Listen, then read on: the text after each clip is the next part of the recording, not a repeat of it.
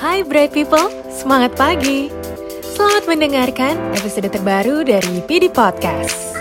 PD Podcast, Voice of Bright People. Halo, kembali lagi dengan saya Moncita Wintion Pangemanan. Kali ini kita akan membahas yang lagi rame-ramenya yaitu Omnibus Law, Undang-Undang Cipta Kerja. Wow. RUU Ciptaker ini disahkan oleh DPR lewat rapat paripurna menjadi undang-undang pada tanggal 5 Oktober 2020. Ini memang lebih dipercepat, tadinya jadwalnya di tanggal 8 Oktober, tapi kemudian memang kalau dilihat ada ancaman akan ada demo besar-besaran, sehingga dipercepat ke tanggal 5 Oktober 2020. Langkah yang baik yang diambil oleh DPR maupun pemerintah. Namun sebenarnya Omnibus Law ini sudah dirapatkan dari awal tahun atau bahkan dari tahun lalu ya kalau tidak salah. Dan sebenarnya target awalnya adalah Omnibus Law ini bisa diketok palu di pertengahan tahun sehingga tahun depan itu sudah benar-benar bisa difull realisasikan. Tetapi dikarenakan pandemi, makanya realisasi dari ketok palu di DPR ini jadi agak terhambat saya pernah mendengar salah satu wartawan yang uh, membuat uh, TV show-nya ya mengkritik terkait DPR. Tuan dan puan, di saat-saat pandemi kenapa justru malah sibuk membahas masalah Omnibus Law? Ya, dari situ saya turut prihatin ya. Seharusnya uh, ibu wartawan ini mengecek dulu alasan kenapa sih sampai pemerintah ini ngotot banget pengen omnibus law-nya ini bener-bener diketok palu secepat mungkin. Oke, balik ke tahun 2018-2019 itu terjadi perang dagang antara Amerika dan China. Dan di situ Amerika menyerang China dengan memperlakukan tarif import bagi barang-barang China yang masuk ke Amerika. Nah, sejak saat itu banyak perusahaan-perusahaan ya yang mempunyai basis produksi hanya di Cina itu sadar bahwa kita tidak bisa mengandalkan hanya mempunyai basis produksi di Cina.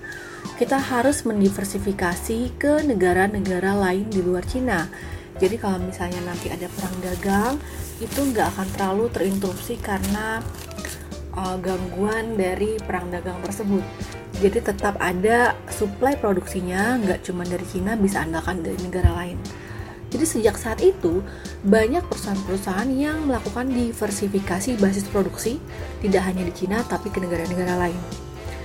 Nah ditambah di tahun 2020 sejak adanya virus COVID-19 semakin kelihatan bahwa ternyata mengandalkan Cina sebagai satu-satunya basis produksi itu memang tidak tepat yang tadinya uh, Cina rajin kirim barang tapi begitu di stop mereka melakukan lockdown akhirnya produksi dari Cina itu mandek.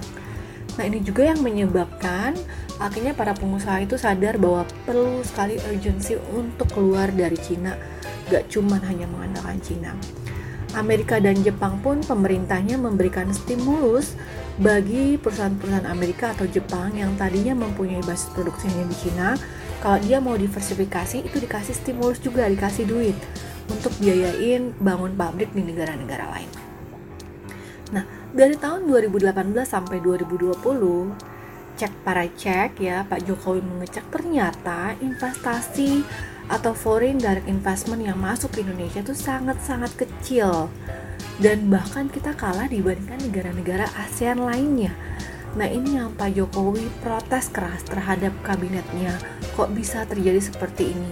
Padahal pada waktu beliau menjabat sebagai presiden pertama kalinya, dia langsung concern terhadap ease of doing businessnya. Dicoba diperbaiki oleh Pak Jokowi dan memang mengalami improve. Namun ternyata tetap saja peringkat ease, of doing business yang membaik itu tidak menarik investor masuk ke sektor real di Indonesia selidik diselidik kalau teman-teman tahu ternyata ya apa yang menyebabkan para investor itu nggak mulai masuk Indonesia harga tanah ya harga tanah dibandingkan negara Thailand, Filipina, Malaysia, Vietnam Indonesia memiliki harga tanah yang paling mahal per meter perseginya yaitu rata-ratanya 225 US dollar per meter persegi. Kalau kita bandingkan dengan Vietnam itu hanya 90 US dollar per meter persegi. Tarif air Indonesia menduduki peringkat kedua termahal dibandingkan lima negara lainnya ya. Tetapi memang masih di bawah Filipina, cuma juga masih kalah dibandingkan Malaysia dan uh, Vietnam, Thailand. Tarif gas Indonesia dibandingkan yang lainnya tadi lima negara lainnya yaitu kedua termahal. Jadi juga bukan yang murah-murah aman. Nah, kemudian rata-rata upah minimum per bulan di Indonesia itu adalah yang termahal yaitu 279 US dollar per bulan. Sementara kalau kita bandingkan Filipina, Malaysia itu rata-rata 180 dolar sampai 220 dolar per bulan. Jadi bedanya lumayan bisa sekitar 60 sampai 50 US dollar per bulan.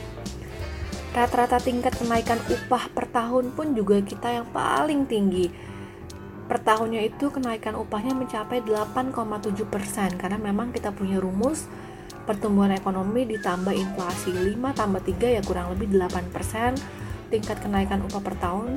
Sementara Filipina, Malaysia, Vietnam, Thailand itu tingkat kenaikan upahnya hanya 1,8 persen sampai 5 persen. Jadi Indonesia ini mahal sekali dari sisi upah. Tarif listrik kita memang yang nomor tiga ya jadi nggak terlalu mahal tapi juga bukan yang termurah. Jadi dari enam indikator ini ya harga tanah tarif air tarif gas rata-rata upah minimum sama rata-rata tingkat kenaikan upah per tahun kita bukan yang menarik ya buat investasi. Justru yang kalau bisa saya sebagai investor juga saya saya nggak akan beli Indonesia nih kalau dilihat dari indikator ini. Nah inilah yang menyebabkan kenapa kita concern banget dengan Omnibus Law. Nah, Omnibus Law begitu diketok palu ini menjadi good news tentunya buat Indonesia. Kalau kita baca ya uh, dari BKPM ya, ini ada 153 perusahaan asing yang siap berinvestasi di Indonesia di tahun 2021. Jadi dengan adanya Omnibus Law ini diperkirakan Indonesia akan mengalami improve investasi di sektor real yang sangat signifikan di tahun 2021. Nah, tentunya kalau misalnya ada foreign direct investment yang masuk cukup banyak, tentunya akan ngaruh ke kita punya ekonomi pertama, penyerapan tenaga kerja akan meningkat dan pastinya pertumbuhan ekonomi kita pun juga akan lebih meningkat lagi. Dan kalau misalnya foreign direct investment masuk ya, jadi investasi meningkat, GDP naik. Di sisi lain juga current account deficit kita atau defisit trans, uh, defisit neraca transaksi berjalan kita ini juga akan mengalami perbaikan yang signifikan. Indonesia itu terkenal dengan negara yang mengalami current account deficit selama bertahun-tahun dan ini pun yang menyebabkan mengapa rupiah kita selalu melemah terhadap US dollar dari tahun ke tahun. Nah, kalau misalnya investment masuk harusnya ini defisit neraca transaksi berjalannya bisa ditekan atau mungkin bisa berbalik menjadi surplus. Nah, kalau bahkan bisa berbalik menjadi surplus, wah, ini akan bagus untuk kestabilan rupiah kita. Jadi, teman-teman, jangan kemakan hoax ya. Omnibus Law Undang-Undang Cipta Kerja ini bagus sekali untuk ekonomi Indonesia dalam jangka panjang dan tentunya juga akan berpengaruh ke instrumen investasi pasar keuangan, baik itu obligasi maupun saham kita. So, demikian materi podcast hari ini. Semoga bermanfaat. Terima kasih. Hai Bread People, terima kasih telah mendengarkan PD Podcast. Tunggu PD Podcast episode selanjutnya ya. PD Podcast, Voice of Bright People.